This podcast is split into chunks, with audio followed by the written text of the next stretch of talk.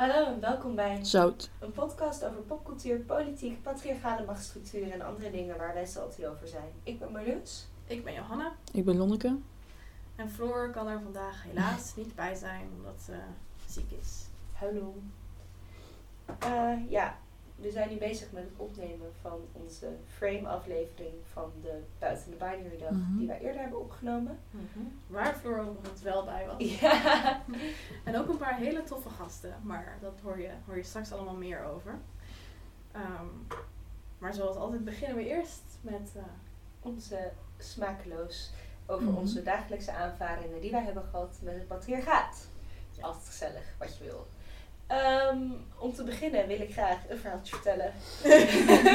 Oké, nee, grapje. Maar ehm, het was afgelopen weekend Koningsdag en ik was aan het werk in de horeca. Wat sowieso al een combinatie is die je niet per se wil. Nee. Eh, ja, maar goed. Ik stond dus bij een tafel eh, van een aantal mannen, oudere mannen, ik denk rond de 50. En ik was drinken aan het uitserveren, as you do, als je werkt in de horeca. Eh, en in één keer pakt een van die mannen mij vast bij mijn kont.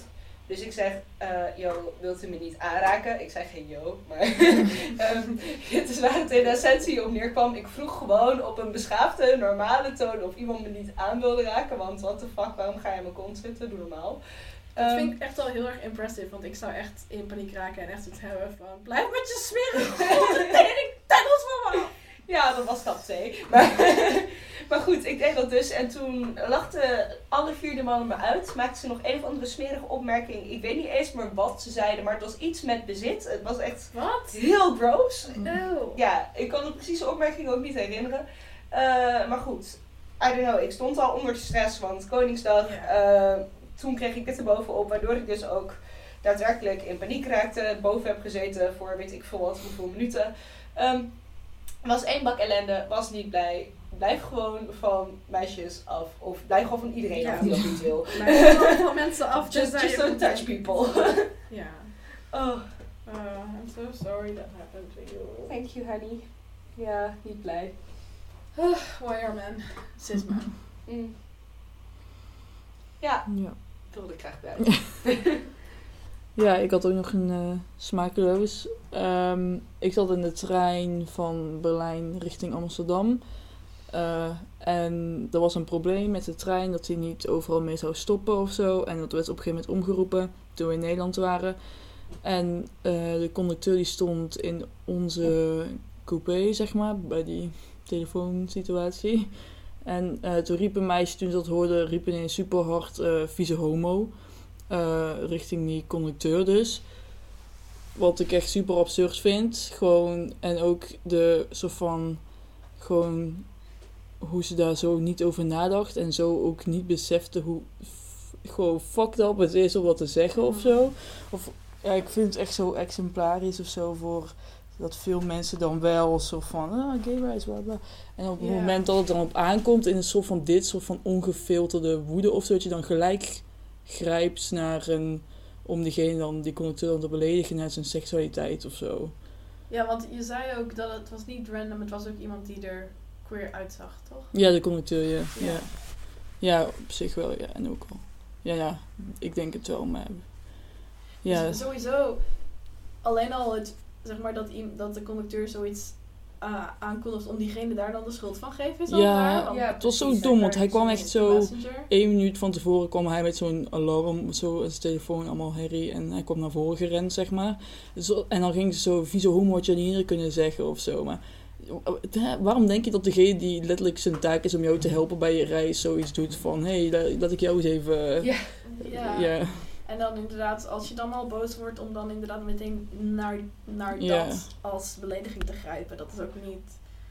Dat zegt ook heel veel. Ja, precies. Conducteurs krijgen volgens mij sowieso echt veel shit over zich. Ja. Uh, in de horeca werken op Koningsdag is een hel, maar... Oh god, moet je voorstellen dat je conducteur moet zijn. de. Ja. Nee, Ik vond het ook wel grappig, Conducteur in want- de horeca. Conducteur in de horeca, ja. Ja. Waarom? Super horror. Nee, Toen maar first of conducteur op, Koningsdag. Want ik, ik, ik heb heel even in de trein gezeten. eh, ehm, op op de, de avond voor Koningsdag. eh, van Kampen naar Arnhem. En ah, dat was ook Ik zat volgens mij, ik was, zat vrij laat in de trein, dus het, het grootste gespuis eh, was al aan het feesten, denk ik.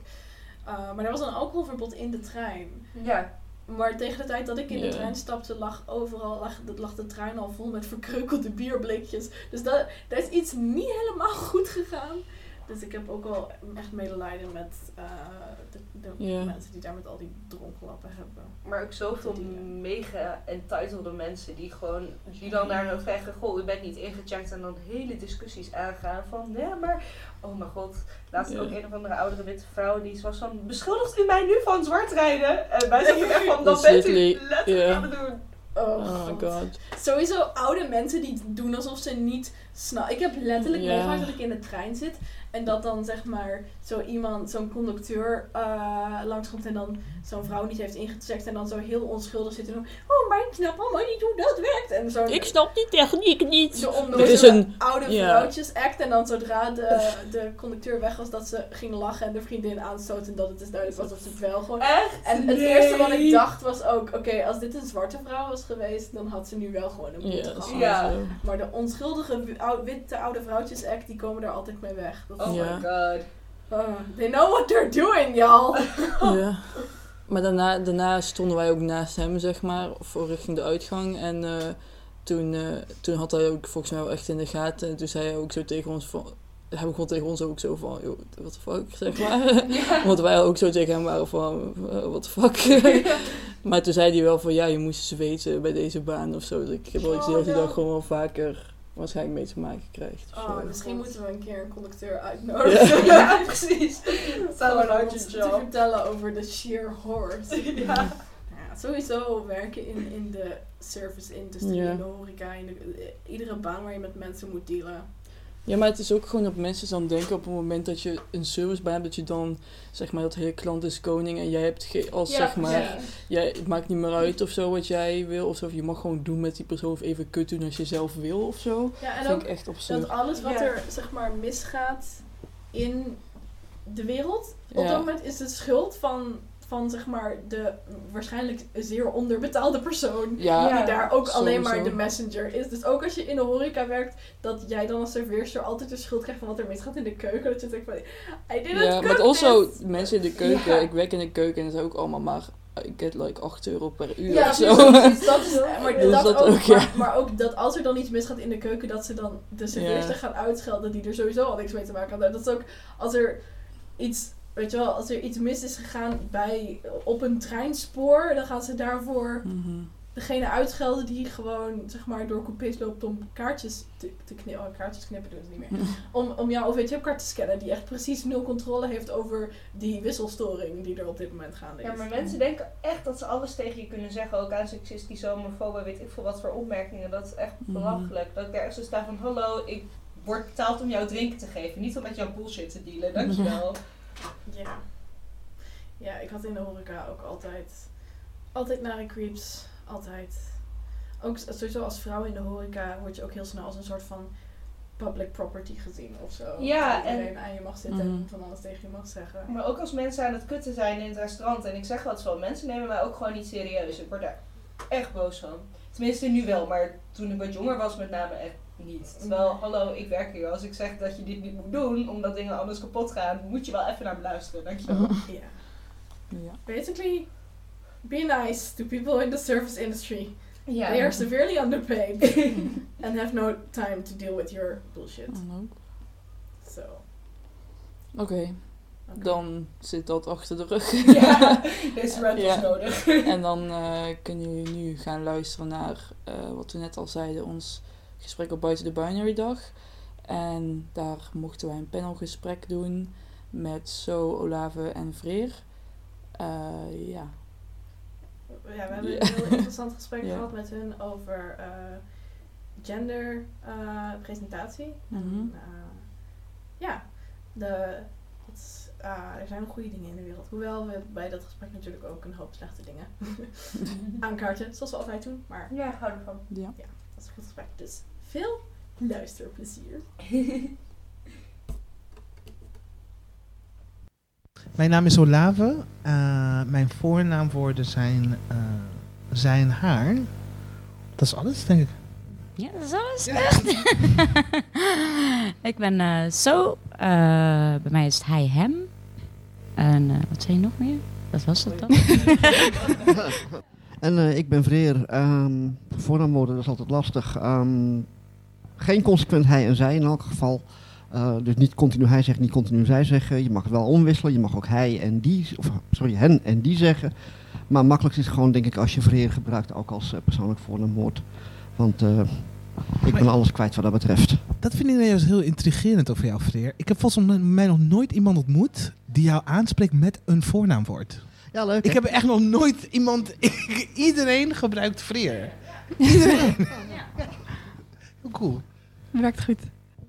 We gaan een gesprek voeren, hopelijk, over eh, genderidentiteit en genderexpressie en ook queer-expressie. Ehm, we hebben aan het einde ook wat tijd voor eh, vragen en inbreng van het publiek als die er zijn. Dus dat lijkt me heel leuk.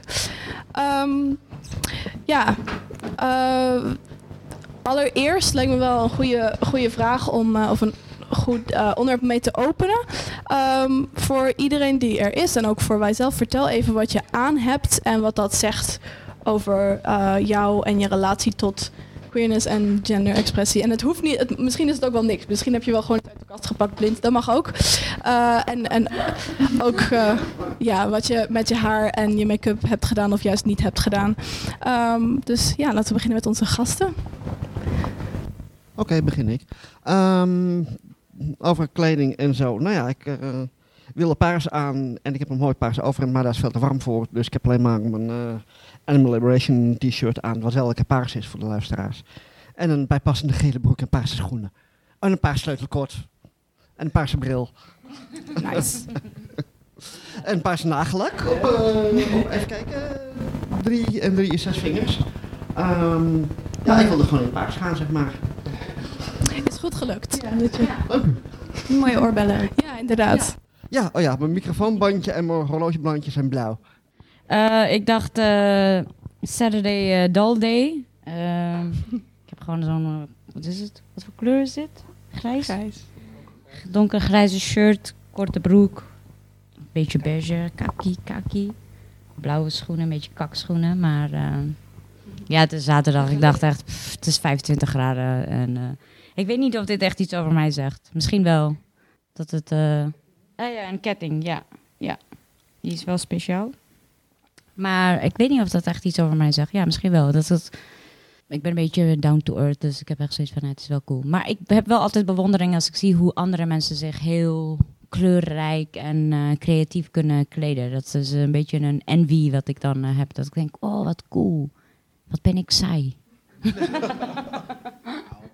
Ik weet niet hoe ik wat ik aan heb moet beschrijven, om eerlijk te zijn. Ehm, het is een soort van see-through mesh eh, jurkje die we uitgeknipt hebben aan de kanten. Heel lang, tot aan de knieën. Een soort van zwarte leggingbroekje eronder. En, wat ik- ja, en dit, hoe het beschrijven, beschrijven? Een, eh, een lange, ook see-through. Ik hou niet zoveel van kleding eigenlijk. het liefst loop ik naakt rond, maar dat is dus een probleem. Dus ik heb altijd wel vaker dat ik het liefst eigenlijk heel weinig eh, en het liefst see-through. Ik heb mijn haar gevlochten vorige weekend. 15 uur lang. Ik zag het op Instagram. Yes, 15 It was a uur lang. journey. It was a journey. It was a to know myself a lot better. en eh, het zijn van die hele, het heet de micro eh, vlechten. Het zijn heel kleine, kleine vlechten, het is heel lang tot ongeveer. eh, wat is dit? Hoe zou je het? of Waar, is het? Ja, tot eh, mijn onderrug ongeveer. En, ehm, oh, dichterbij, ja. En eh, met een wit plukje, zwart met een wit plukje. En ja, wat zegt dat? Ik denk het haar zegt het meest over mij. Behalve dat ik qua kleding het liefst naakt ben. Maar ehm, het haar is wat ik al echt best al heel lang wou doen. Al sinds als kleine Olave heb ik altijd mijn haar zo willen vlechten. Toen ik klein was, eh, deden mijn moeder, mijn zussen, mijn tantes altijd hun haar zo. Van die box braids en zo, daar heb ik niet mee opgegooid. In Burundi deden die vrouwen altijd echt van die hele dunne vlechtjes. Dat het net lijkt alsof het gewoon eigenlijk gewoon losse haartjes zijn. En, eh, maar dat mocht niet, dat mocht nooit. En, eh, en want ja, je bent dan zogenaamd een jongetje. En het is altijd in mijn hoofd blijven steken, het idee om dat te hebben. En voor het eerst had ik daar een beetje geld voor gespaard om dat te kunnen doen. Want het is ook heel duur. 15 uur lang laten vlechten is duur. En dus ik heb er eindelijk voor kunnen vlechten. En ik heb het, toen ik het had, dacht ik voor het eerst van ja, dit is eigenlijk het gezicht, de Olave die ik als kind dacht dat ik, zeg maar, de, wat ik zou, hoe ik eruit zou zien. Had ik altijd eigenlijk verwacht dat het zo. En het is dus eindelijk op mijn 34ste zo. Ja. And it looks incredible. Waarom gaan we klappen? Oké. Ehm, ja, nou, ik zal wel gewoon verder gaan dan. Ik heb een, eh, een blouseje aan met eh, ja, een donkerblauw blouseje met lichtblauw met witte bloemen erop. Een beetje een uh, surf dude-achtig blouseje.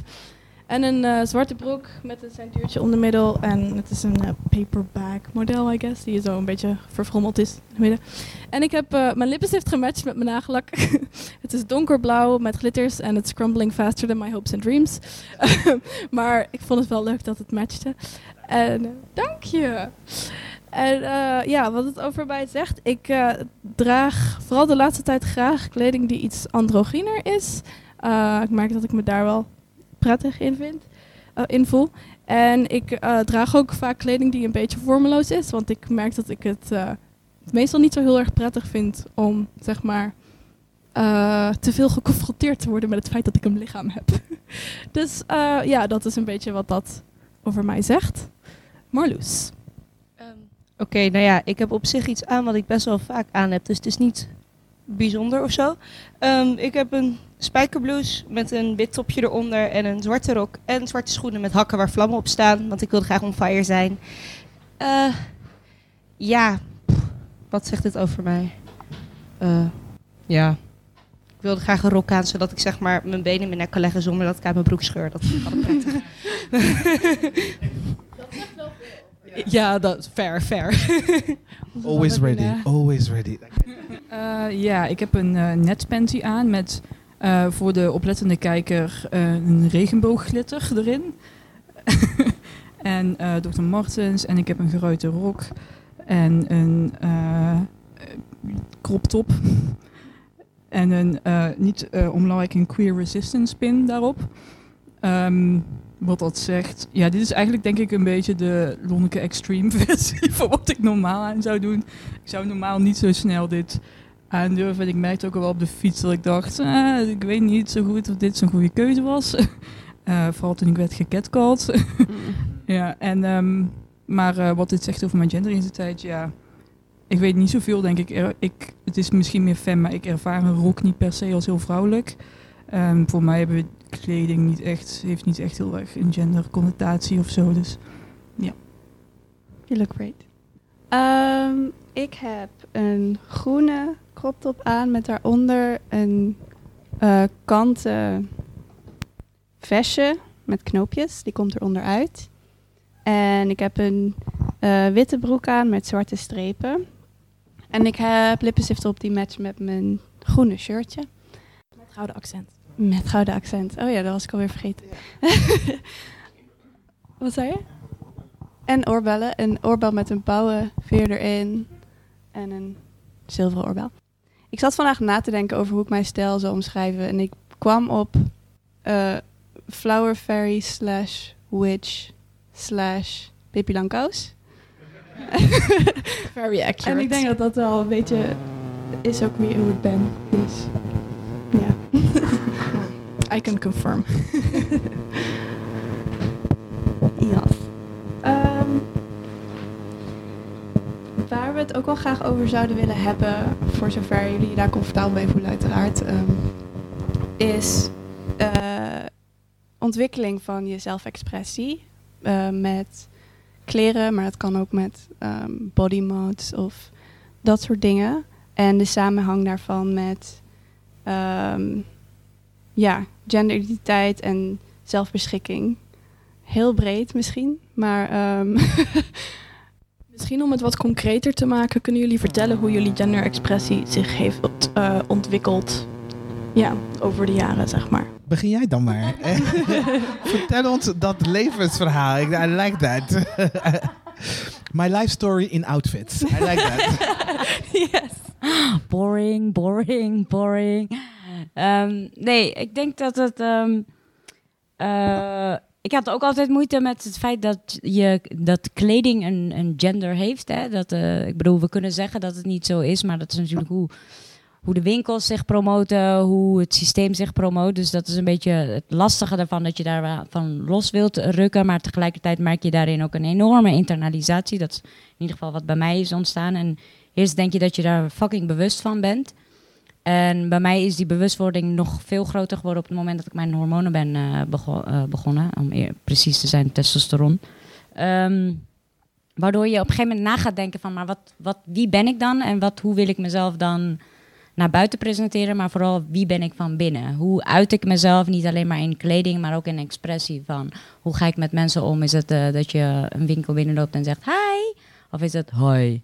En ehm, kijken mensen, hoe kijken mensen naar me? Is het het, het, het, enthousiasme? Maar tegelijkertijd wil je je de karakter en de mensen die je bent, wil je ook niet kwijtraken. Omdat een van de dingen wat bij mij enorm angstig eh, op een gegeven moment wordt, is dat ik toen testosteron begon te krijgen, dat ik dacht, oh, maar ik wil niet helemaal veranderen in een of andere klootzak of zo. En eh, dat mensen ook denken dat je een soort cis-man wordt, dus dat je dan in die genderrollen moet gaan vallen en dat je dan eh, steeds meer daartegen eh, weerstand biedt. Waardoor ik ook steeds minder vaak eh, de term trans man gebruik. Maar meer trans om het te neutraliseren. Om te zeggen van wow, wow, wow, wow, wow.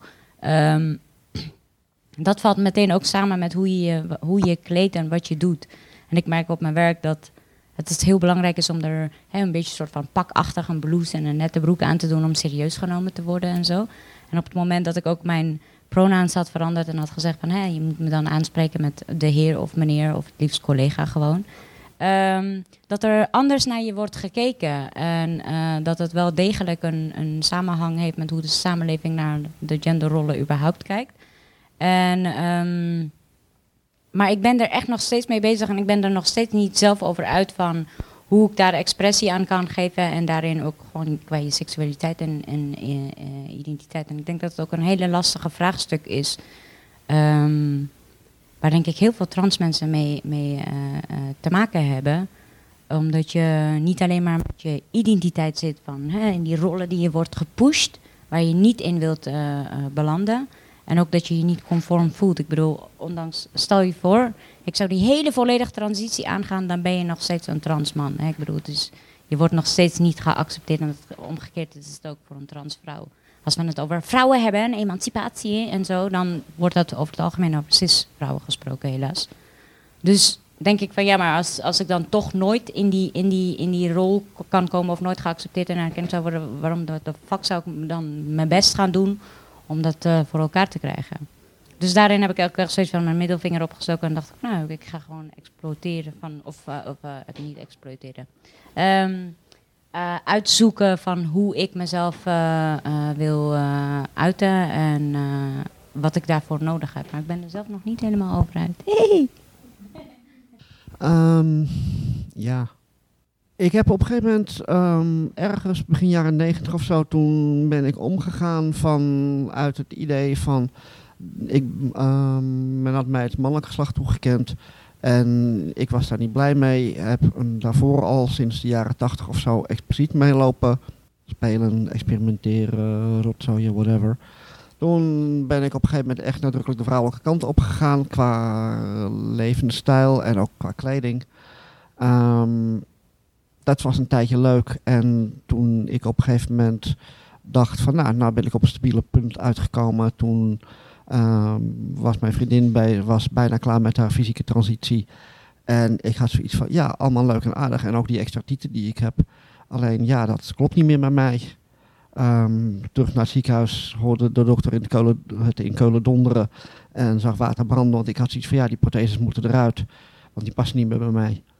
En, die hadden en de chirurg had zoiets van ja, maar iedereen wil altijd meer. Ja, nou, ik niet. Ehm, ik denk dat het moment is dat ze met mijn eigen wijsheid echt geconfronteerd zijn voor het eerst. Ehm, en ik begon dus gewoon steeds meer ehm, niet zozeer androgyn te zijn. Want androgyn, dat heb ik, van, heb ik vroeger in mijn flikkertijd geprobeerd. Maar ja, dat, dat was het of zo niet. niet. Ook omdat androgyn, daar hangen allerlei connotaties aan van slanke, witte, uh, onbehaarde jongetjes en zo. En ja, nou ja, ehm, dat jongetje past er sowieso al niet. Er is ook zomaar vraagtekens bij. Ehm, en toen ben ik gewoon weer op een gegeven moment wat meer de mannelijke kant op gegaan. Kortom, ik ben een aantal keren heen en weer op en neer. Gewoon een soort van. Uh, been around the block a couple of times. Uh, en. Um, ik draag meestal broeken aan met dit weer eigenlijk ook vaak een kilt. Ik ben op, zoek naar, ben op zoek naar leuke, wat langere rokken, maar ik vind niks wat ik leuk vind. En dat vind ik uh, ernstig problematisch. Um, en ik heb niet meer de tijd en de energie om uh, dan maar zelf wat te gaan maken. Um, dat zou natuurlijk op zich kunnen, maar ik moet gewoon ook misschien ook maar even langs een paar langs een kilo shop gaan en zo. En uh, wat vaker de tweedehandswinkels af om te kijken of ik iets leuks tegenkom. En um, ik loop er, zoals ik er nou bij loop, loop ik op het werk ook regelmatig rond. Ongeveer. Um, ik ben ook punk genoeg om mijn nagellak ook rustig te laten afbladderen enzovoort. Dat maakt helemaal niet zo vreselijk veel uit. Um, en ja, veel mensen als ze me zien op, als ze me van de ene kant zien, denken ze van, oh, dat is een vrouw. Zien ze me van de andere kant, denken ze, oh, dat is een man. Zien ze me van voren, hebben ze zoiets nou weet ik het ook niet meer. Waarop ik zeg van, nou, gefeliciteerd, ik weet het ook niet. There, done that. And uh, got a couple t-shirts of it. Gender smender. Maakt me echt geen, geen moeite meer uit. Ik verklaar me in die zin. Mijn genderexpressie die verandert. En mijn genderidentiteit, ja, weet ik veel. agender, multigender. Een soort van Schrödinger's gender. Um, zolang je die doos die met gender niet open doet, kan het van alles zijn. Zodra je het open doet, ja, dan weet je wat het op dat moment was.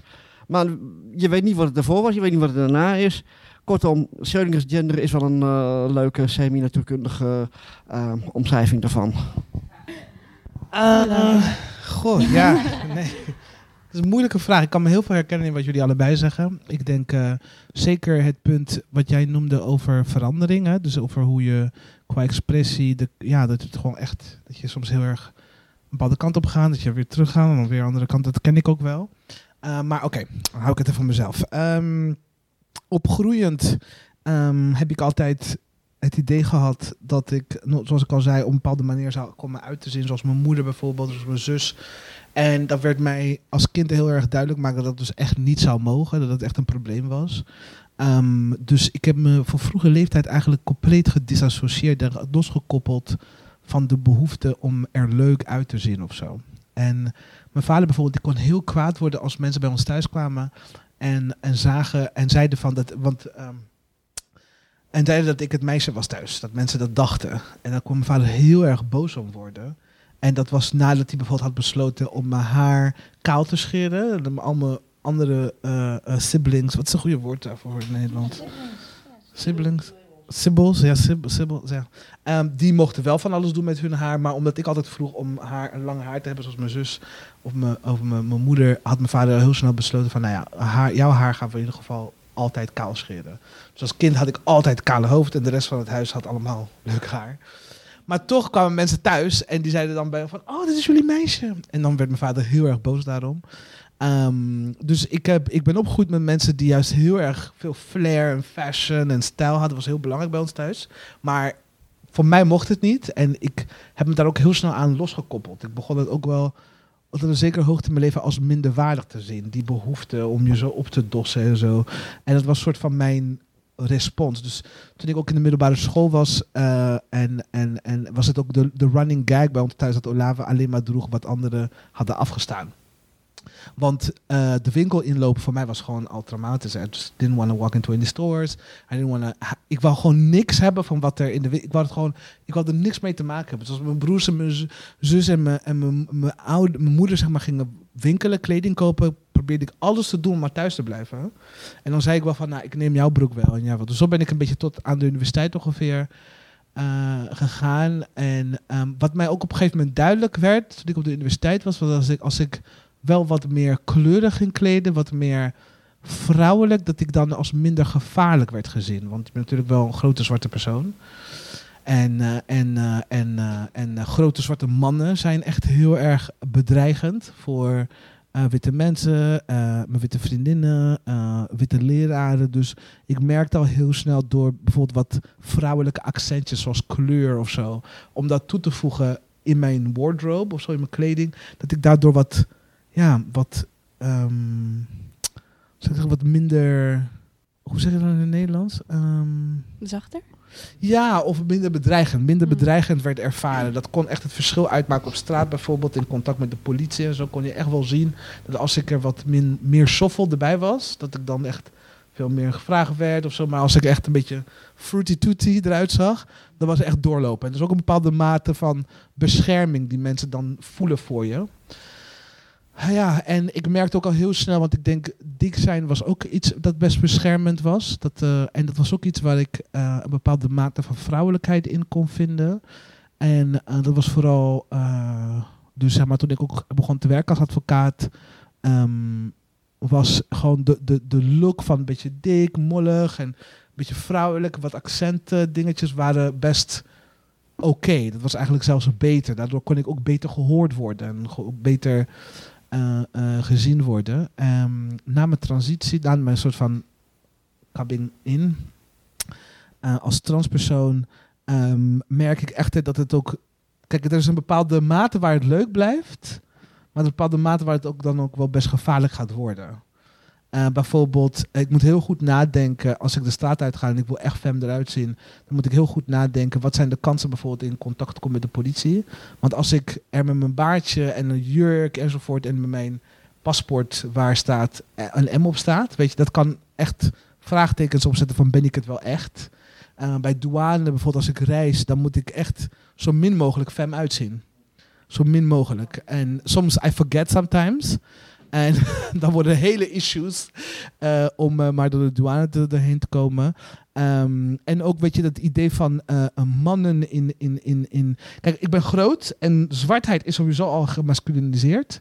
Maar ook groter zwart zijn, weet je, ook zwarte cisvrouwen die groot zijn en die, die, hè, die worden al die worden heel erg gemasculiniseerd. Hè. Denk aan Serena Williams bijvoorbeeld. Ik bedoel, die vrouw, hè, I mean, hoeveel, hoe vaak wordt zij soort van verweten dat ze te masculin is om te, om te, om te wedijveren met, met witte vrouwen bijvoorbeeld. Hè? En dus ik moet echt heel goed nadenken van how convincing am I? En, en, en dat, dat geeft bepaalde bescherming. Maar het is ook wel, dan moet je echt super fem gaan. Dan moet je echt ultra fem zijn om dan overtuigend te zijn. Eh, maar als je, als je ehm, dus ik weet niet. En, en tegelijkertijd, I'm also very lazy fam. Ik, eh, ehm, ik heb best veel moeite met hoeveel, hoeveel werk ehm, het kost om overtuigend fem te zijn. En ik heb me best snel ook begonnen af te zetten tegen de aandacht die je krijgt. If you're fem, like if you're passing as. Or, weet je, op ik zit op Instagram, maar als ik een foto doe met mij op een, gewoon een, soort van eh, androgyne dag of zo, dan wordt er gewoon niet gereageerd. Maar als ik een, mijn haar doe op een bepaalde manier, of mijn nagels op een bepaalde, of mijn make-up doe, dan is het ineens echt een avalanche aan. Oh, je bent prachtig. En je bent, en het is like, wow, so this is like, ergens voelt het als een soort van, ehm, als een soort van aansporing van, wees mooi. Like, try to be as pretty as possible, then we will give you confirmation, we will erkennen jou. En daar heb ik ook moeite mee, want vaak zijn het ook best, ja, wat mooi wordt gezien, zijn vaak gewoon heel erg westerse, witte, ja, ehm, ik heb het ook gezien. Als ik bepaalde hoeken doe, de foto, selfies neem en mijn neus valt een beetje groter uit, dan krijg ik die likes niet. Weet je, maar als de neus heel dun en een soort van echt van die hele beetje witte vrouwelijke... Filters. Ja, dan word ik echt... En de filters zijn ook heel erg... eh, zeker de Snapchat-filters zijn heel erg verwittend, weet je. En, eh, en dan zie je dat en dan denk ik van... Ja, oh, dit is gewoon... Ja, het is best complex allemaal. En ik vind het moeilijk om, zeg maar, even mezelf uit te drukken. Want dat is in onderhandeling met de rest van de wereld, lijkt het wel de hele tijd. Ehm, op het moment dat je als. eh, die, toen je het had over complimenten en zo. Het is heel grappig. Sinds ik me als, als transman eh, eh, identificeer, dat ik andere soort complimenten krijg. Het is niet meer zo van, oh, je bent mooi. Het is echt van, you're hot. Weet je wel? Dat. Maar ook echt zo van. Dus niet soort van, zo van, oh, want dus termen, woorden, complimenten, die zijn dus ook kennelijk eh, gegenderd en hebben een bepaalde connotatie. En dan, dan krijg je dus echt gewoon uit dat, dat je echt zo denkt van, oh, oh oké, was dat hiervoor niet? Of waarom krijg ik die complimenten niet meer? En dan krijg, kom je erachter dat het eigenlijk te maken heeft met hoe je jezelf presenteert, hoe een ander dan eh, naar jou kijkt. En dat is op zich super cool, want de ander houdt dan rekening met jou. Maar dat is iets waar ik dacht van, oh, oh. Eh, bij mij ligt het dan zo dat oh, ik ben nogal een shimmering person wat dat betreft. Ik schemer nogal voor veel mensen. En dat heeft dus ook tot gevolg dat heel veel mensen eh, niet weten wat ze eventueel voor compliment moeten geven. En ik merk de laatste tijd, nu ik daar wat bewuster van ben, merk ik steeds duidelijker hoe weinig mensen die niet queer zijn enzovoort, ehm, terwijl ze anderen wel dan inderdaad complimenten geven, zo van mij automatisch overslaan of zo. Ik vind het fascinerend. Het is, ik bedoel, soms heb je zoiets van, ja, maar ik wil ook een compliment hebben. Maar in het algemeen is het meer van, fascinating. Wil jij er misschien nog wat over zeggen, Lonneke? Ehm, ehm, ja, oké. Ehm, nee, ik heb eh, op de middelbare school vooral een periode gehad van eh, heel erg veel make-up doen en zeg maar vrouwelijke kleding. Want dat moest omdat ik werd ook best wel gepest. En dat was dan vooral zeg maar voor... Ik was, ben altijd enerzijds te veel vrouw geweest en aan de andere kant veel te weinig. Zeg maar, was altijd een ehm, struggle of zo. En toen heb ik heel het, gewoon het gevoel gehad dat ik dat moest compenseren. Ehm, tot best wel lang. En ehm, dat is nu wel wat minder. En toen heb ik ook bijvoorbeeld vorig jaar een periode gehad dat ik veel meer masculine kleding droeg. Omdat ik me ook niet heel, zeg maar, ja, heel veel moeite met hoe ik werd gezien voor de buitenwereld. Voor mij maakt het niet zo uit, maar ik vond het wel heel erg vervelend eh, als ik me vrouwelijk kleed, dat op een bepaalde manier met mij wordt omgegaan, eh, waar ik me niet gemakkelijk bij voel. Ehm, en nu is dat wat minder. Maar waar ik ook nog wel mee, een beetje mee struggle is, eh, zeg maar, er androgyn uitzien. Eh, Het beeld daarvan is heel erg dun, zeg maar. En ja, en ook zeg maar, als je dan meer mannelijke bouw zou moeten hebben, een ehm, stuk slanker. En eh, dat ben ik allemaal niet. Dus ehm, hoe het voor mij ook wel een beetje voelt van, heeft, ja, heeft weinig nut of zo om dat te proberen als je daar toch niet in gaat vallen. Ehm, en ja, nu ben ik daar allemaal nog een beetje mee bezig en niet uit. En geen idee. Ja, we hebben nou al eh, een beetje gehad over zeg maar, de, de restrictions die er zijn aan je eh, presenteren op een bepaalde manier. Uh, je noemt bijvoorbeeld lichaamsbouw. Dat om als androgyn gelezen te worden moet je ja, een beetje inderdaad vaak dun zijn, wit, weinig curves of wat dan ook. Maar er, een andere restriction waar ik bijvoorbeeld ook aan moest denken was... Um, toen ik op de basisschool zat, toen uh, had ik überhaupt niet echt uh, inbreng over hoe ik eruit zag, omdat uh, mijn familie geen geld had. Dus alles wat ik droeg waren afdankertjes van neefjes en nichtjes. Dus hoe ik me presenteerde was eigenlijk afhankelijk van ja, wat, wat ik gewoon voor handen had en wat ik, ja, wat ik kon, uh, ergens gratis vandaan kon halen. En sinds ik uh, studiefinanciering krijg en iets meer de middelen heb, merk ik ook wel, en dat hebben al mijn, mijn zussen en uh, ook, dat we allemaal een beetje, ja, soms te veel kleren kopen en zo, om, om maar het gevoel te hebben dat je zeg maar controle hebt over hoe je je presenteert.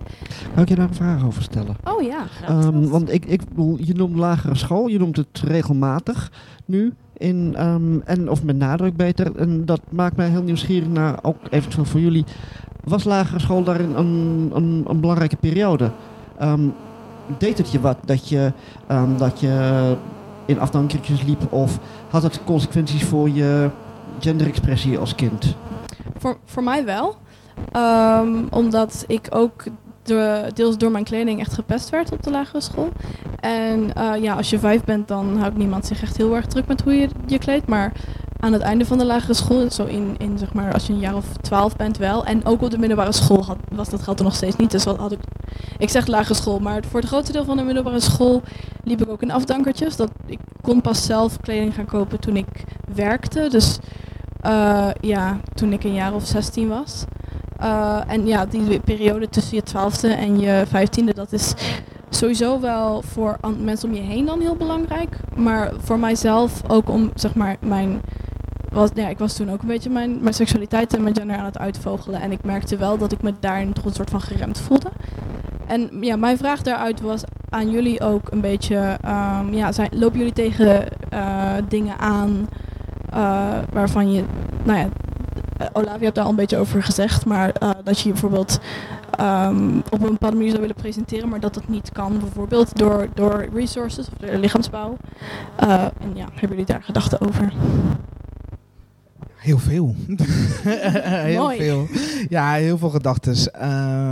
zeker wat je zegt ook over middelen. Toen ik dus ehm, uit de kast als trans, wou ik ook echt alles. Ik, ik wou alles aan hebben, ik wou alles op doen enzovoort. But it's really expensive. Het is echt heel duur. En als je geen geld hebt, eh, in mijn situatie was dat wel echt een soort van confrontatie. Hè? Met, eh, je wilt meteen eigenlijk al zeg maar een soort van "Ah, live the life and be amazing. Maar dan realiseer je het kost allemaal heel veel geld. En dus bijvoorbeeld nu, wat ik ook allemaal aan heb, letterlijk het enige wat voor mij is, is ook echt het ondergoed. Wat ik aan heb. De rest is allemaal van, van, van mensen waar ik mee dus samenwoon nu, die dan altijd wel wat naar me toe gooien van doe dit vandaag aan en zo, weet je zo.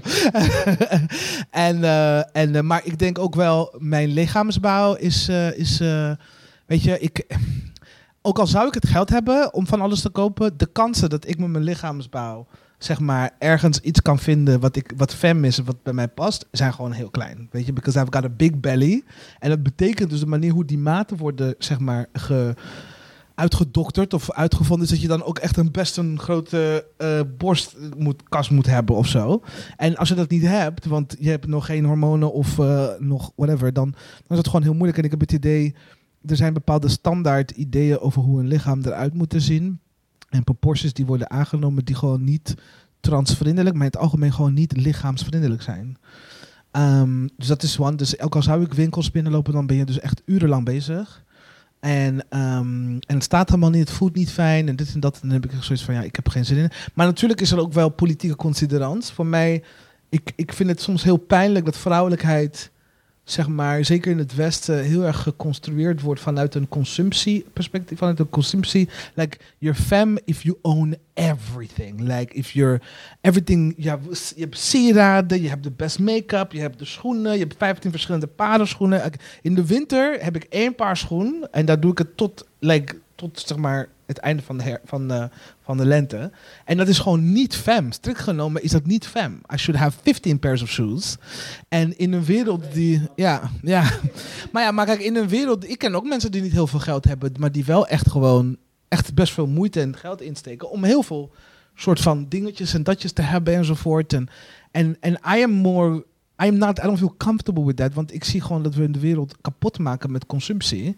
En dan denk van, ja, you know, hoe... Ik heb echt veel liever dat mijn vriendinnen me wat geven voor een middag of voor... dan dat ik het allemaal ga kopen en het allemaal heb. Want dan ben ik echt wow, you know? Dus het is lichaam, het is wat zijn de keuzes. En ik denk sowieso, ik ben echt heel erg aan het proberen to bring back the belly. Dus ik probeer zoveel mogelijk te dragen dat gewoon. Is like, hey, yes. Because I think we, we have. eh, het is niet altijd waar ik vandaan kom in Burundi. Toen ik opgroeide, was een belly echt niet een teken van eh, onlust of zo. Het was juist gewoon sexy en leuk. En, eh, en dus ja, het lichaam, politieke consideraties, maar ook gewoon geld hebben is ook gewoon een, een dingetje. Ik herken mij in het verhaal.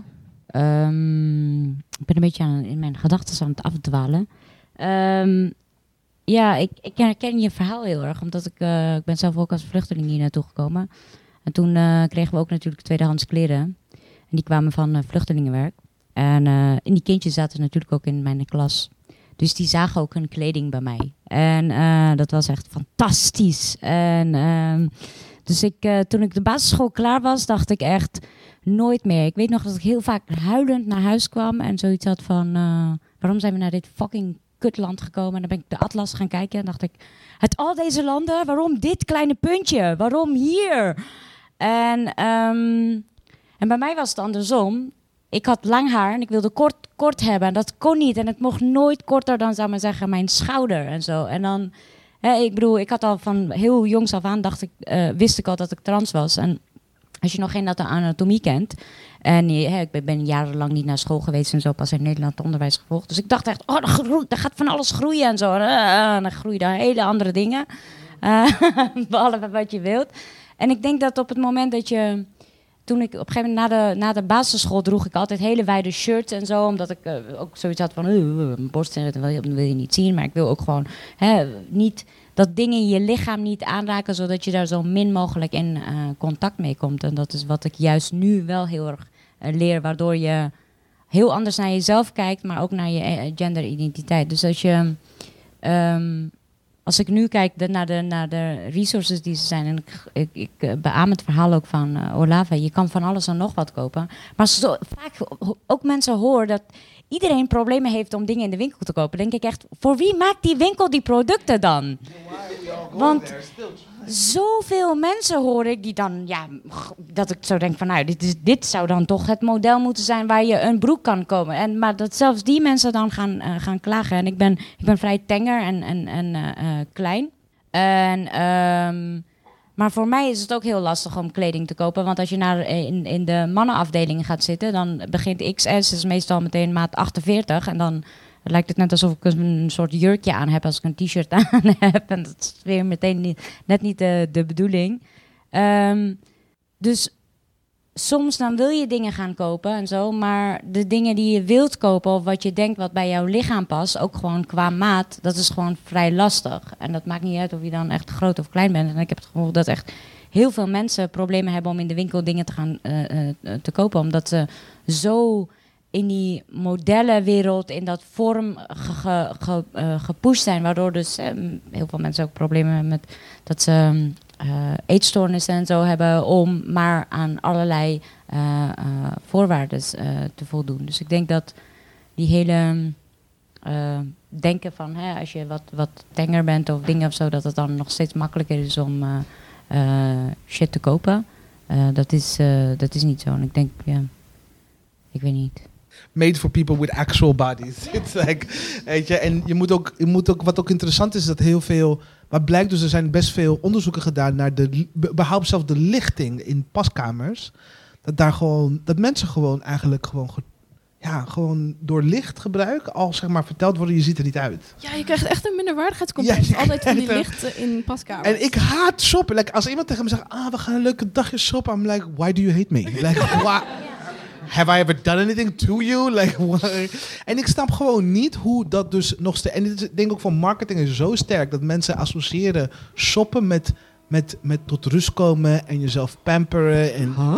It is a lie. kan me er helemaal niks bij voorstellen. Every single way, weet je. En these people, deze mensen maken kleding... niet zozeer om er goed op ons uit te zien... maar omdat de kleding er leuk uit... De kleding moet er leuk uitzien. Niet wij, maar de kleding. Ja, ja, zo. Ja.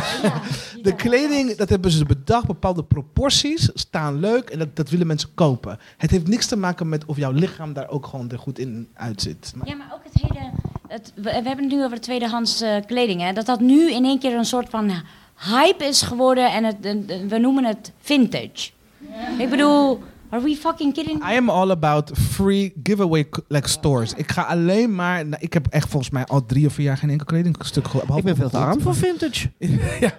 Ik kan me geen vintage veroorloven. Dat is een volslagen idioot natuurlijk. Eh, ik ga na- naar, naar een, eh een tweedehandswinkel of een, eh, een kringloopwinkel. Voornamelijk naar kringloop. Is een vintage winkel niet ook gewoon een tweedehands winkel waar je gewoon twee keer zoveel betaalt? Ja. Ja, natuurlijk. Maar het, het gaat dus om het concept. Ja. Ik bedoel, Ja, en- ehm, sinds we in kapitalisme overdrive zijn terechtgekomen eh, vanaf de jaren tachtig. eh, het is allemaal de schuld van neoliberalisme en het kapitalisme überhaupt. En natuurlijk patriarchaat, want ehm, het is een mannenwereld. Het zijn allemaal mannen voor het grootste gedeelte die ook vrouwenkleren ontwerpen. En die hebben daar zo'n hun ideeën bij. Ehm, en waardoor je inderdaad opgescheept zit met kleren die niet jouw lichaam en jouw vormen die jij belangrijk vindt benadrukt die überhaupt gewoon vormen benadrukt, ook of je dat wilt of niet. Ehm, je zit met allerlei kleren die gewaakt worden op een idee dat die kleren leuk zijn, inderdaad. Dat is de reden waarom jij ze moet kopen. Eh, nooit, nooit echt begrepen. Ehm, en mijn lijf, ja, dat past ook. Ik draag dan wel overhemd en zo, maar... ehm, en ik vind hem leuk en daar past wel een soort van, maar eigenlijk moet ik gewoon mijn eigen overhemden maken. Maar omdat ik daar ehm, net niet handig genoeg in ben, niet genoeg, wil, niet genoeg zin heb om dat te doen enzovoort. Ja, ja dan eh, ben je weer afhankelijk van, eh, van, van de, de kringloop en zo. Maar het is gewoon allemaal de schuld, van, van eh cis-kapitalistische mannenwereld. Dus die moeten we gewoon afschaffen, punt. Amen. Ja, en wat ik ook vaak merk bij vintage kledingwinkels, dat ze alleen maar super kleine maten hebben. Echt, ik, ik kan daar nooit iets vinden. De broeken die ik daar vind gaan echt misschien max tot de maat 38, als je geluk hebt. Dat ik echt denk... Maar daarnaast ook gewoon bij normale kledingwinkels dat de maten zo enorm verschillen. En soms maken ze het... Ja, van die... Ja, trouwens, dat is ook echt erg van die one size fits all kledingwinkels. Don't get me started. Fits all tends to just barely fit me. just barely. Like, oh, what? Ja. One size never fits everybody. Nou, en ook hoe ze heel vaak dan, of ze doen het weer, zeg maar, dat, het, dat je dan een, een kleinere maat kunt, want dan voel je je beter en dan koop je het sneller of zo, is denk ik dan de tactiek. Of het is juist dat het totaal niet past. En ik heb nu de laatste tijd merk ik ook, hoe meer ik ben aangekomen, ik pas niet meer, zeg maar, in de, de regular, de normale maten die ze bij de meeste winkels hebben. En dan denk ik maar, ik ben volgens mij niet eens zo heel erg boven gemiddeld, maar het is toch super gek dat dat dan gewoon al niet eens meer kan. Ik kan niet naar normale winkels, maar ik val dan ook weer net niet binnen plus size. Ehm, ja, Ik denk, ehm, als ik zo, want ik, ik heb al heel lang gedacht dat je, als je echt een intellectueel was, een echte, eh, dan moest je dus boven dat overstijgen, die behoefte om er leuk uit te zien en zo. En ik, ik kijk nu terug en ik denk, wauw, like, dat is echt de fitste ding wat ik ooit heb gedacht in mijn leven. Dit idee van like, ratio en ik am above all this. Like, ik ben super slim nu, dus ik maak me niet uit wat ik aan heb. En ik heb dat moeten herformuleren. En ik denk, het is ik beleef er ontzettend veel plezier om zorgdragend te zijn tegenover mijn lichaam. Om als ik tijd heb om, om, om to lotion everywhere. Like I lotion everywhere, every day. I would take the extra 10 minutes to make sure ik ben zo glad en zacht als mogelijk. You know? Um, I pick clothes that I feel like I look good in. I, I like to look at myself now in the mirror. Ik heb echt jarenlang echt... Ik kon gewoon niet uitstaan. Om, like even brushing my teeth deed ik dat gewoon niet in the mirror. I didn't want to look at myself in any way. Right? En-. En nu misschien zou je me wellicht kunnen beschuldigen van dat ik iets te veel tijd in de mirror besteed tegenwoordig. Why? Maar Waar, waarom beschuldigen we Ja. dit? Niet waarom in de Nou, spiegel? Soms, soms denk ik van ga nou de deur uit, je moet echt weg. Maar moet echt. Het gaat niet beter worden op de een of andere manier. Gewoon je innerlijke man, je innerlijke hetero man die dat zegt. Van, dit is toch goed. Um, so I totally, like, ik ben niet hier aan het zeggen van, you know, like, oh, we moeten nu allemaal niet, zeg maar, zorg dragen voor onszelf en voor ons uiterlijk. I enjoy it I advise everyone, whatever je lichaam, hoe je lichaam ook eruit ziet, het is echt geen verloren energie om gewoon jezelf... Het is een beetje viering van dat lichaam, hè? Dat je, dat je take care of it, dat je het mooi draagt en dat je gewoon leuk voelt. Doe het. Maar ik denk wel dat we er wel een beetje voorzichtiger mee mogen omgaan met het idee dat expressie, dus kleding, fashion en genderexpressie, dat het een of andere soort van, eh, eh, een, eh, hoe is dat, dat dat soort van de ultimate bevrijding is. Dat het een soort van, als je jezelf niet, weet je, als je het jezelf niet gunt om je ware zelf in je kleding en je fashion te laten zien of zo, dat je op de een of andere manier iets mist. Sorry, maar dat is een beetje 90% van het marketingverhaal van waarom je elke dag moet gaan shoppen. Want that only that way you can show who you truly are. Kijk hoeveel van die, van die commercials gaan eigenlijk om het feit van... In fashion ligt de, jouw waarheid, weet je? Maar dan is het wel zo dat je die waarheid om de twee weken moet herontdekken. En her, her, uitdragen enzovoort. En ik denk we moeten echt veel meer gaan nadenken over van... Wat voor relaties kunnen we ontwikkelen die verzorgend, vertroetelend en gewoon, weet je, en, en zorg dragen voor onszelf zonder dat we gewoon elke keer zeg maar, verleid worden tot het verhaal van je koopt wie je bent. Dat is just not true. Ja, ik, ik, ik sta daar helemaal achter. Want ik denk dat we ook moeten oppassen voor. voor kijk, kapitalisme kapitaliseert alles. Hè? Alles wat een beetje gaat lopen. En ze denken: hé, hey, dit is trending. Dus we gaan er eh, geld in steken. Dus we gaan het eh, vercommercialiseren. En we maken er een mainstream ding van.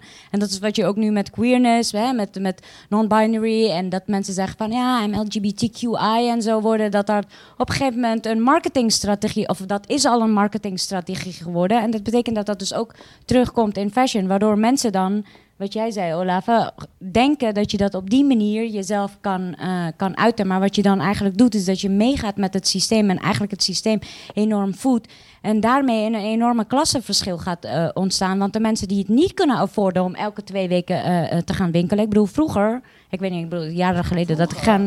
ja, toen ik wel soms ging winkelen omdat ik geld had. Maar toen, da- dan had je dus van die seizoenen waar je uitverkoop had. Dat bestaat niet eens meer. Het is echt gewoon drie keer per. In, in, in één seizoen zijn er drie nieuwe versies van kleding die er in een voorjaar eh, eh, komen. En dat je denkt, waar zijn die rekjes met uitverkoop van 1 of 2 euro? En zo snel gaat het tegenwoordig. En op het moment dat je daaraan meedoet. Betekent dat we daarin ook vanuit de queer community ook gewoon mensen die dat dus niet kunnen afforden, ook mee uitsluiten. Omdat wij op die manier, of mensen zichzelf op die manier gaan uiten. En als je dan queer bent, ben je fabulous en glitter en glamour. En moet je al die dingen kunnen hebben om je expressie daarmee te kunnen uiten. En dan denk ik, waarom? Het is in eerste instantie is het niet alleen maar het kapitalisme, in tweede instantie is het ook fucking eurocentrisch. Daar moeten we echt voor waken. Dus een soort van druk. eh.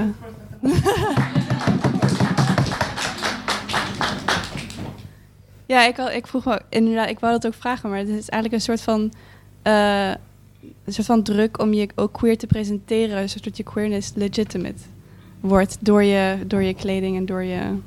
Ik wil heel graag weten wat Verrier daarop gaat zeggen. Because Shoot all the marketeers. druk. Door jou weet ik niet wat ik moet doen. Nee. ik ga zeggen, shoot all marketeers. Echt serieus. Tegen de muur met die lui. Marketeers zijn, zijn echt eh, eh, bijna de bron van het probleem. Wel eigenlijk gewoon alle grote kapitalisten en zo. Ehm, anyway. ehm, ja, eigenlijk pas sinds ik, eh, sinds ik een paar redelijke kringloopwinkels heb ontdekt, heb ik redelijk wat, wat oortoestanden. Ehm, heb ik redelijk wat eh, dingen die niet alleen maar politieke t-shirts zijn. Want voorheen had ik alleen maar band t-shirts en politieke t-shirts. En er zit deels nog een overlap in. Ehm, en wat vage truien. En tegenwoordig heb ik gewoon wat andere dingetjes. En eh, ja, ik heb op een gegeven moment heb ik gewoon een soort van eh paarsbesmetting opgedaan. En sindsdien moet het gewoon regelmatig paars zijn. en, en rood nog steeds. En verder, ja, weet ik veel. Ehm, ik probeer me zoveel mogelijk, enerzijds zoveel mogelijk geen zorgen erom te maken. Tegelijk merk ik wel, ehm, omdat ik ook in, omdat ik in een, ja, in zekere zin formele setting werk. Ik werk in de gemeenteraad. Ehm, qua kledingklimaat en zo, iedereen doet hun best om er redelijk uit te zien enzovoort. En ehm, ik heb toch regelmatig zoiets van dat ik eh, dit gewoon voldoende vind. En aan de andere kant heb ik ook zoiets van dat ik wel regelmatig mijn nagellak, als ik die heb, en het gewoon heerlijk laat afbladderen. Omdat ik weet dat een aantal mensen dat gewoon naar vinden. Of zo. Of ehm, daar toch misprijzende ideeën over hebben wanneer ze zich daarmee gaan bezighouden. Ehm, dus dat is een soort van kleine verzet. Eh, en ja, als ik, het, eh, als ik op een of andere manier wat andere leuke dingen vind. En langs de straat vind je toch ook best regelmatig leuke dingen. Wel meer meubilair dan kleren of zo. Ehm, dan pik ik ook gewoon dingen op. En eh, ja, ik probeer het een beetje te laten komen zoals mijn zelfbeschrijving. Zo de wind waait, waait mijn gender. En dat kan betekenen dat ik er op de ene manier uitzie, dat ik op een andere manier uitzie. En dat dat drie keer, da drie keer daags verandert. Ehm, en dat gaat geldt net goed voor mijn gevoel. Ehm, queer links ben ik 24 keer 7 en de rest is variabel. Eh, qua uiterlijk en, eh, en rest. En verder heb ik zoiets van, ja, eh, weet ik veel. Ik ben me niet zo super bewust ervan. Ik doe het vooral. En dan Ja. heb, ik wel een, heb ik wel een hele ideologie erachter. Als ik ga nadenken van waarom, dan krijg ik inderdaad een hele set aan regels.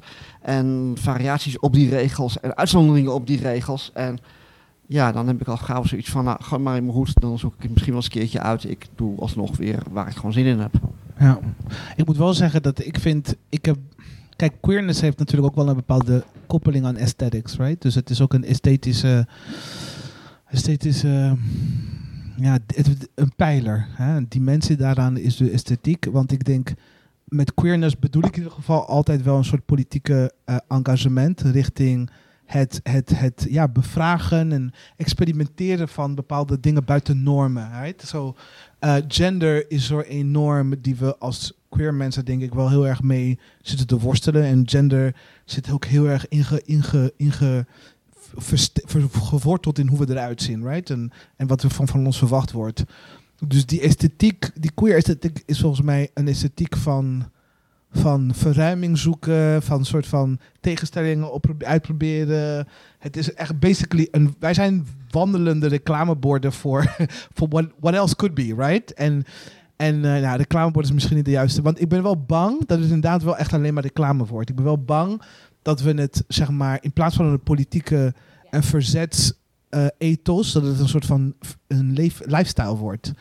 En, en, en dat we ook elkaar gaan keuren hè, van hoe queer ben jij, weet je? Precies. En eh, van, oh jij durft nog niet met, eh, I don't know, met bright green of blue eh, eh, eh, ehm, eh, eh, lippenstift. Nou, ben je dan echt of zo, weet je? En, en ook dat we elkaar soms ook aanspreken op van, ja, maar ik maak dit mee, want ik durf wel zo op straat te gaan. En, maar jij niet, so you're not really queer.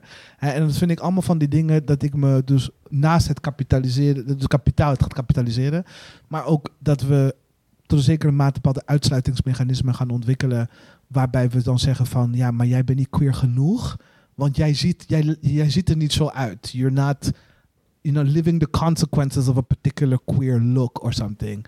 Vind ik gevaarlijk. En ik denk ook van, laten we eerlijk zijn, heel veel wat wij hier nu aan het doen, moeten we uitkijken dat het niet cultureel imperialistisch wordt. Want Yes. how, we're, how our lives are documented hier in Europa, wordt echt gedecimated, wordt gepublished, Mm. wordt gepubliceerd over de hele wereld heen. Hè? So everything we're doing wordt soort van voorgezet, of wordt Ja. van voor aangedragen aan de rest van de wereld. Van dit, dit zijn het voorbeeld. Ja. Dat hoort. En dan gaan mensen zich ook, en ik zit in de rest van de wereld, ik zie mensen bijvoorbeeld in Burundi die ik eh, vier, vijf jaar, zes jaar geleden tegenkwam, die trans zijn, die helemaal niet bezig waren met hormonen, die helemaal niet bezig waren met medische transitie, die nu door bijvoorbeeld de, you know, gewoon de, de aandacht die we vestigen, die we constant zetten op van je bent trans, dus je moet mee. I hear them talk about, like, oh, maar ik kan geen hormonen krijgen. En nu willen ze dat. En ik denk, we moeten goed nadenken van hoe presenteren we dat, hoe communiceren we dat? Zijn we echt bezig met iets nieuws? Zijn we echt aan het verzetten? Of zijn we gewoon een soort van, ja, een lifestyle clubjes aan het organiseren? Daar heb ik, in ieder geval geen interesse in. Juist, juist, daar ben ik het echt helemaal mee eens. Want het, Ja. heeft, het heeft ook met. ehm, of je het. Ja, ik denk dat ik, ik, Ik wil daar dat we hier heel lang over kunnen... aansluiten van Ja. over dat aansluiting is dat de een kan het wel permitteren of niet. Hè. We hebben het de hele tijd over kapitalisme en gender en zo, maar een topic wat we bijvoorbeeld hier echt aan, aan, aan uitsluit is eh, racisme. Ik bedoel, Hmm. er zijn door mensen omdat ze juist een kleur hebben of eh, juist een andere migrantenachtergrond hebben of als vluchteling hier naartoe zijn gekomen of whatever. Er zijn mensen die dat soort dingen niet kunnen permitteren. En op het moment dat, er, dat de norm meer vanuit een soort van witte queer community wordt neergezet van dit is how you do it, dan sluit je daarmee wel heel veel andere mensen eh, uit, omdat je juist in een omgeving bent waar je dat kan permitteren. En heel veel andere mensen kunnen dat eh, niet vanuit achtergronden die zij met zich meedragen, wat vaak witte mensen daar gewoon geen last van of, hebben. Of dat ze gewoon vanuit culturele gedachten gewoon hele andere keuzes maken. Ja, Voor precies. example, like dit, dit mesh gedoe, dat zie ik dus nu ook veel meer. Hè? Veel meer mensen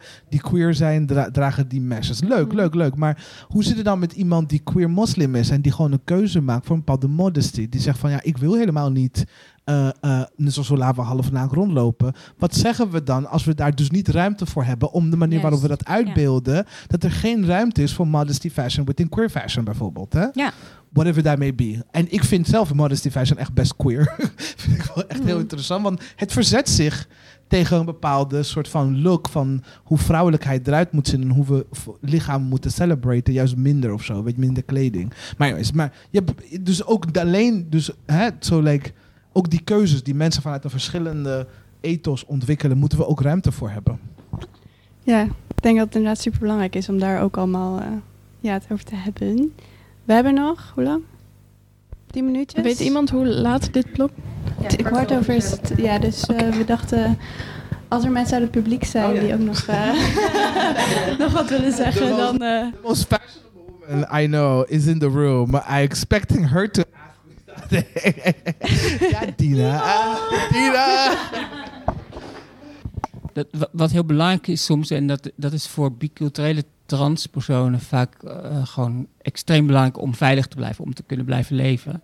Dus als je niet uh, bepaalde kleding uh, aan hebt, dus je conformeert binnen je, binnen je cultuurgroep bijna ook, dan kan het betekenen dat je het gewoon de, de, het einde van de dag niet meer haalt. Dus dan is het wel, uh, wat ik heel vaak zie van ja, die, die, die, die, die gekleurde vrouwen zien altijd zo mooi uit en dat past allemaal zo heel sexy. En dat, dat heeft ook wel een, een, een, een functie. En, uh, en, en het queer zijn staat daar soms wel, sluit daardoor heel vaak die groepen mensen buiten, omdat die die moeten echt gewoon, uh, die hebben even soms hele andere zorgen aan hun kop. En die moeten gewoon uh, uh, zorgen dat ze s'avonds weer veilig thuis in bed liggen.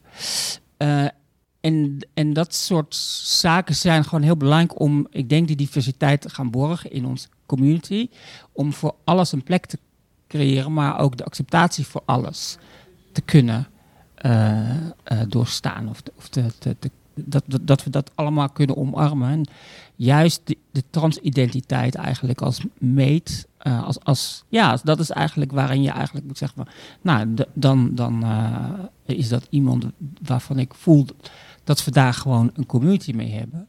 Uh, en dan kan alles volgens mij wel bestaan naast elkaar. Maar heel vaak zie je die uitsluitsmechanismes gewoon komen. En dat is wel heel, dat heeft dat vaak gewoon te maken met powermechanismes die weer over hele andere dingen gaan. En die gaan dan weer vaak over hoe mensen de macht hebben vanuit, nou ja, gewoon de hoeveelheid mensen die een bepaalde iets een bepaalde kant kunnen opdrukken. En dan moeten heel veel mensen gaan conformeren. En dat is toch wel, dat is gewoon problematisch, denk ik.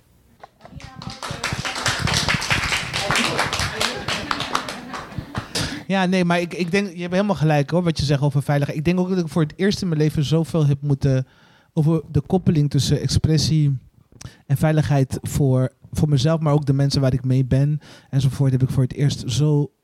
Weet je, we hebben de Gender Bending Queer Party, ik weet niet of jullie dat kennen en zo. En Weet je, dat we dan bijvoorbeeld mensen uitnodigen. Kom naar ons feestje. Doe gek. Probeer eens wat anders uit. En bevrijd jezelf van gendernormen enzovoort. Maar die mensen moeten wel echt daar naartoe. Kijk, binnen zijn we hartstikke veilig. Maar hoe kom je daar? Want the world is very hostile. Weet je, ik bedoel, they're killing us out on the streets en, enzovoort. En God forbid als je baasje op straat zit en denkt van, hè, zie je er zo uit in het weekend, weet je. En en dus we hebben dus met de Gender Bending Queer Party en zo ook mensen altijd aangemoedigd, zeker jonge mensen ook altijd aangemoedigd van, weet je, um, doe het hier, kleed je hier om. En, of weet je, doe het, ga met elkaar op stap, weet je, onderweg en terug naar huis en zo. Ik heb meegemaakt dat ik terugging met de trein, dan, hè, dan ging ik naar de Gender Bending Queer Party. En joh, de, de contacten die je had met mensen waren zo eng. Zo, want dan had ik mijn make-up, was dan half hier tot dan bij mijn knie, bij mijn, bij mijn, hoe heet dat? Kin, Kin ongeveer.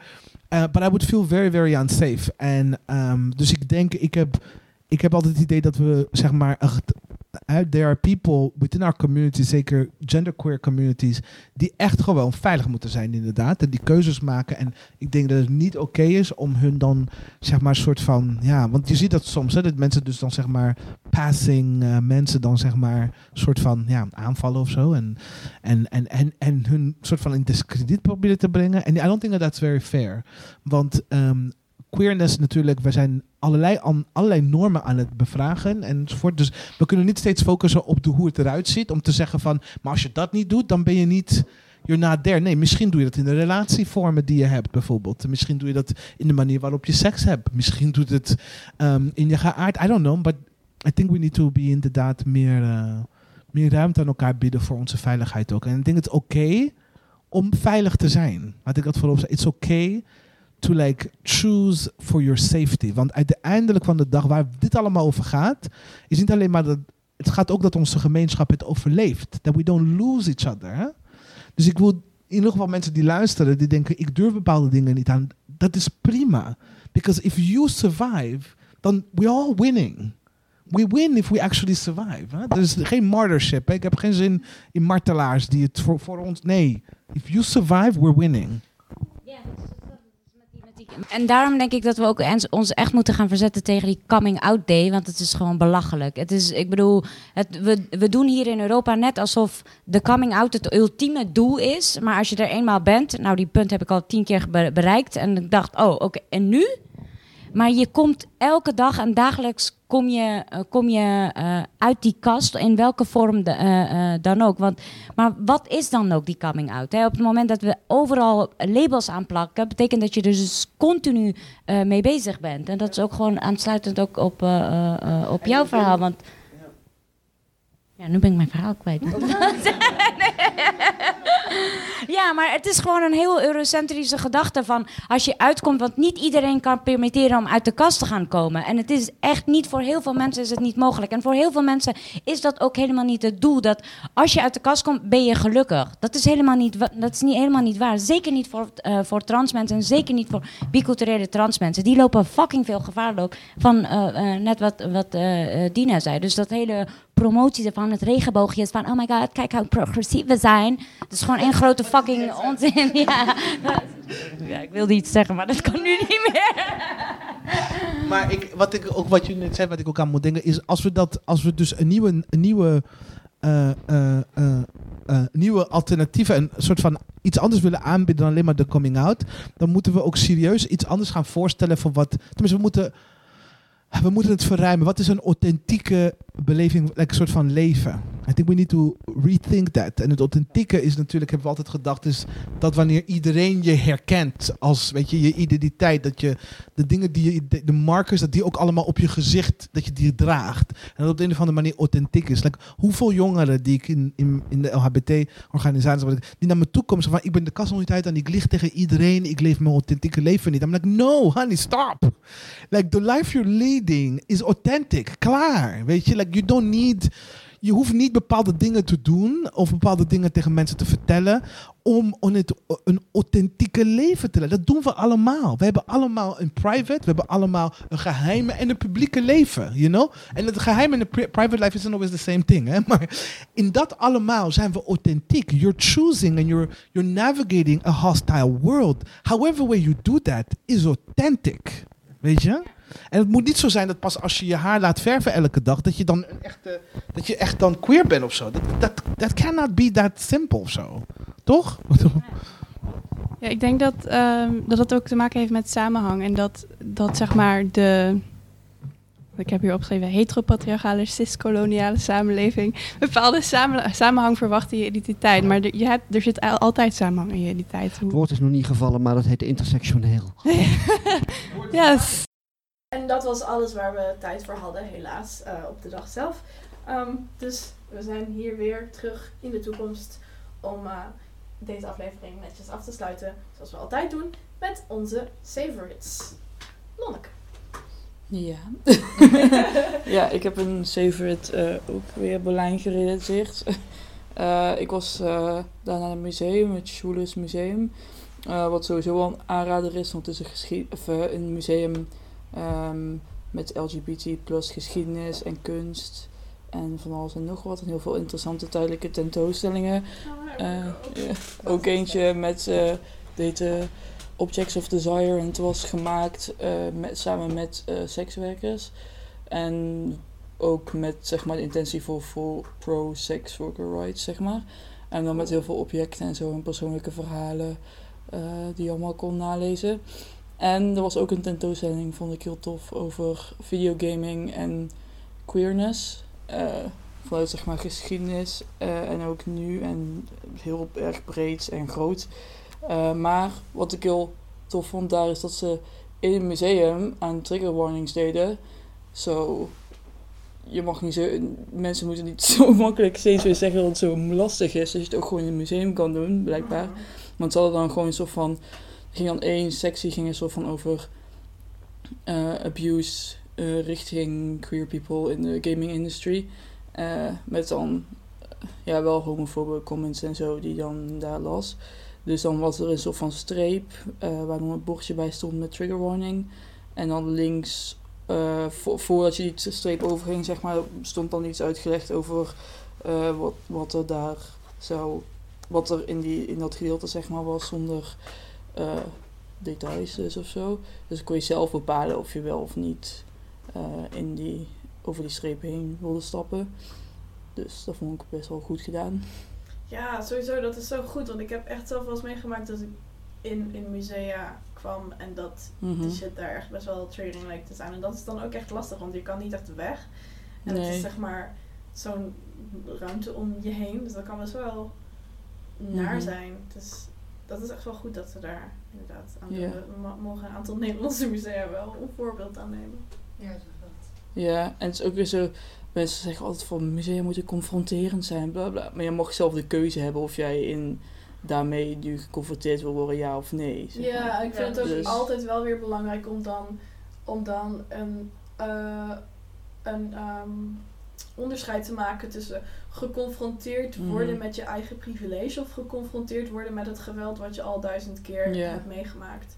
Want ik bedoel, eh, voor cis, cis het mensen, die mogen inderdaad best geconfronteerd worden met Mhm. het geweld wat queer mensen meemaken.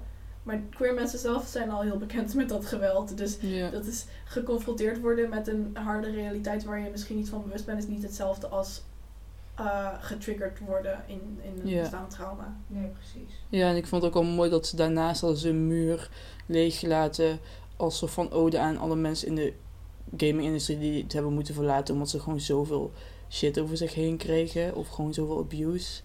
Ja, cool. En ehm, ja, ik had zelf ook nog een favorite. Ehm, namelijk de podcast van Tamar Doorduin. Eh, Ziek, de podcast. Er is, er is kennelijk iets met podcastnamen van vier letters die beginnen met een Z en eindigen op een punt. Is helemaal, helemaal de hype. Dat is de trend. Eh, Ziek is een, eh, ook een Nederlandstalige podcast over chronische ziekte en disability. Ehm, en ja, Tamar Dordan is zelf ziek. Zij heeft POTS. En in iedere aflevering spreekt ze met iemand anders die chronisch ziek is. En spreekt ze met die mensen over. Ehm, ja, altijd vanuit een intersectioneel feministische lens bespreekt ze hun ervaringen. En eh, hun ervaringen, veel ervaringen met seksisme en, eh, en geïnstitutionaliseerd validisme. En ja, het is altijd heel interessant. En een tijdje geleden heeft ze ook een aflevering gemaakt over de Women's March, eh, waar dan een disability blok in meeliep. En in die aflevering zit onder andere ook de toespraak die Annika Mel daar heeft gehouden op het podium. En dat is heel aangrijpend en inspirerend en gewoon heel... eh, ja, inspirerend is een beetje een slecht woord in deze context. Maar ja, heel aangrijpend, heel krachtig. Voor veel mensen denk ik heel herkenbaar. En ook wel voor andere mensen heel erg een eye-opener, denk ik. Dus heel erg aan te raden. Maar sowieso de hele podcast is gewoon heel tof. Uh, het is ook heel erg uh, op de een of andere manier heel chill en rustgevend om naar te luisteren. Want het is gewoon heel kalm. En uh, ja, het is... Um, Tamar heeft een hele rustgevende stem. en uh, ja, het is gewoon een hele fijne podcast. Dus ook zeker een aanrader. Um, ja, en dat waren geloof ik onze favorites. Ja. Mm-hmm. Uh, dan zijn we nu alweer beland bij het einde van deze aflevering. Uh, ja, nogmaals bedankt aan onze gasten van uh, Buiten de Binary Dag, So, Olave en Freer. Credits naar Vele Kremers voor het maken van onze prachtige illustratie. Je kunt haar vinden op donsfeertje.tumblr.com of donsfeertje.deviantart.com. Heb je nog op- of aanmerkingen over deze afleveringen, suggesties of wil je iets bij ons kwijt? Dan kan dat via onze social media. Uh, daar kun je ons ook reviewen. Het zou heel fijn zijn. Um, ja, als je een review schrijft in plaats van ons alleen te raten. Dus dat ja, op iTunes. Ja, op iTunes. Ja, review ons op iTunes, dan kunnen mensen ons beter vinden. Ja.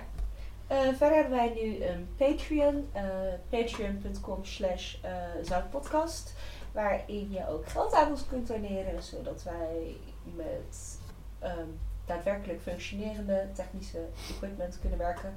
in plaats van ja. uh, een, een microfoon die zeg maar in, in mijn uh, wangholte past. en als beloning kun je dan misschien ooit luisteren naar afleveringen waarin je niet elke paar minuten mijn laptop hoort opstijgen. en uh, het helpt ons natuurlijk ook bij het betalen van ons Soundcloud abonnement. En het eh, verzorgen van bedankjes en eventueel dekken van reiskosten voor gasten. En ja, wie weet wat we nog allemaal eh, meer voor, voor ehm, verbeteringen kunnen Ja. doen aan onze podcast. En eh, ja, we staan nu nog heel erg in een beginstadium, maar misschien dat er, dat er uiteindelijk ook wel eh, beloningen of perks komen. Dus eh, hou dat vooral in de gaten. Maar ga in ieder geval even kijken op onze Patreon, want we hebben heel erg ons best gedaan op de namen en beschrijvingen van de tiers. Alle kleine beetjes helpen, geef geld. Ja, dat is het. Alleen als je het kan betalen. Als je Ja, het kan tuurlijk, tuurlijk. Voel je niet gedwongen. Nee. Volg ons verder vooral op Twitter, Facebook en Instagram. Kost geen geld, wel leuk. En via eh het Podcast. Heel erg bedankt voor het luisteren en stay salty.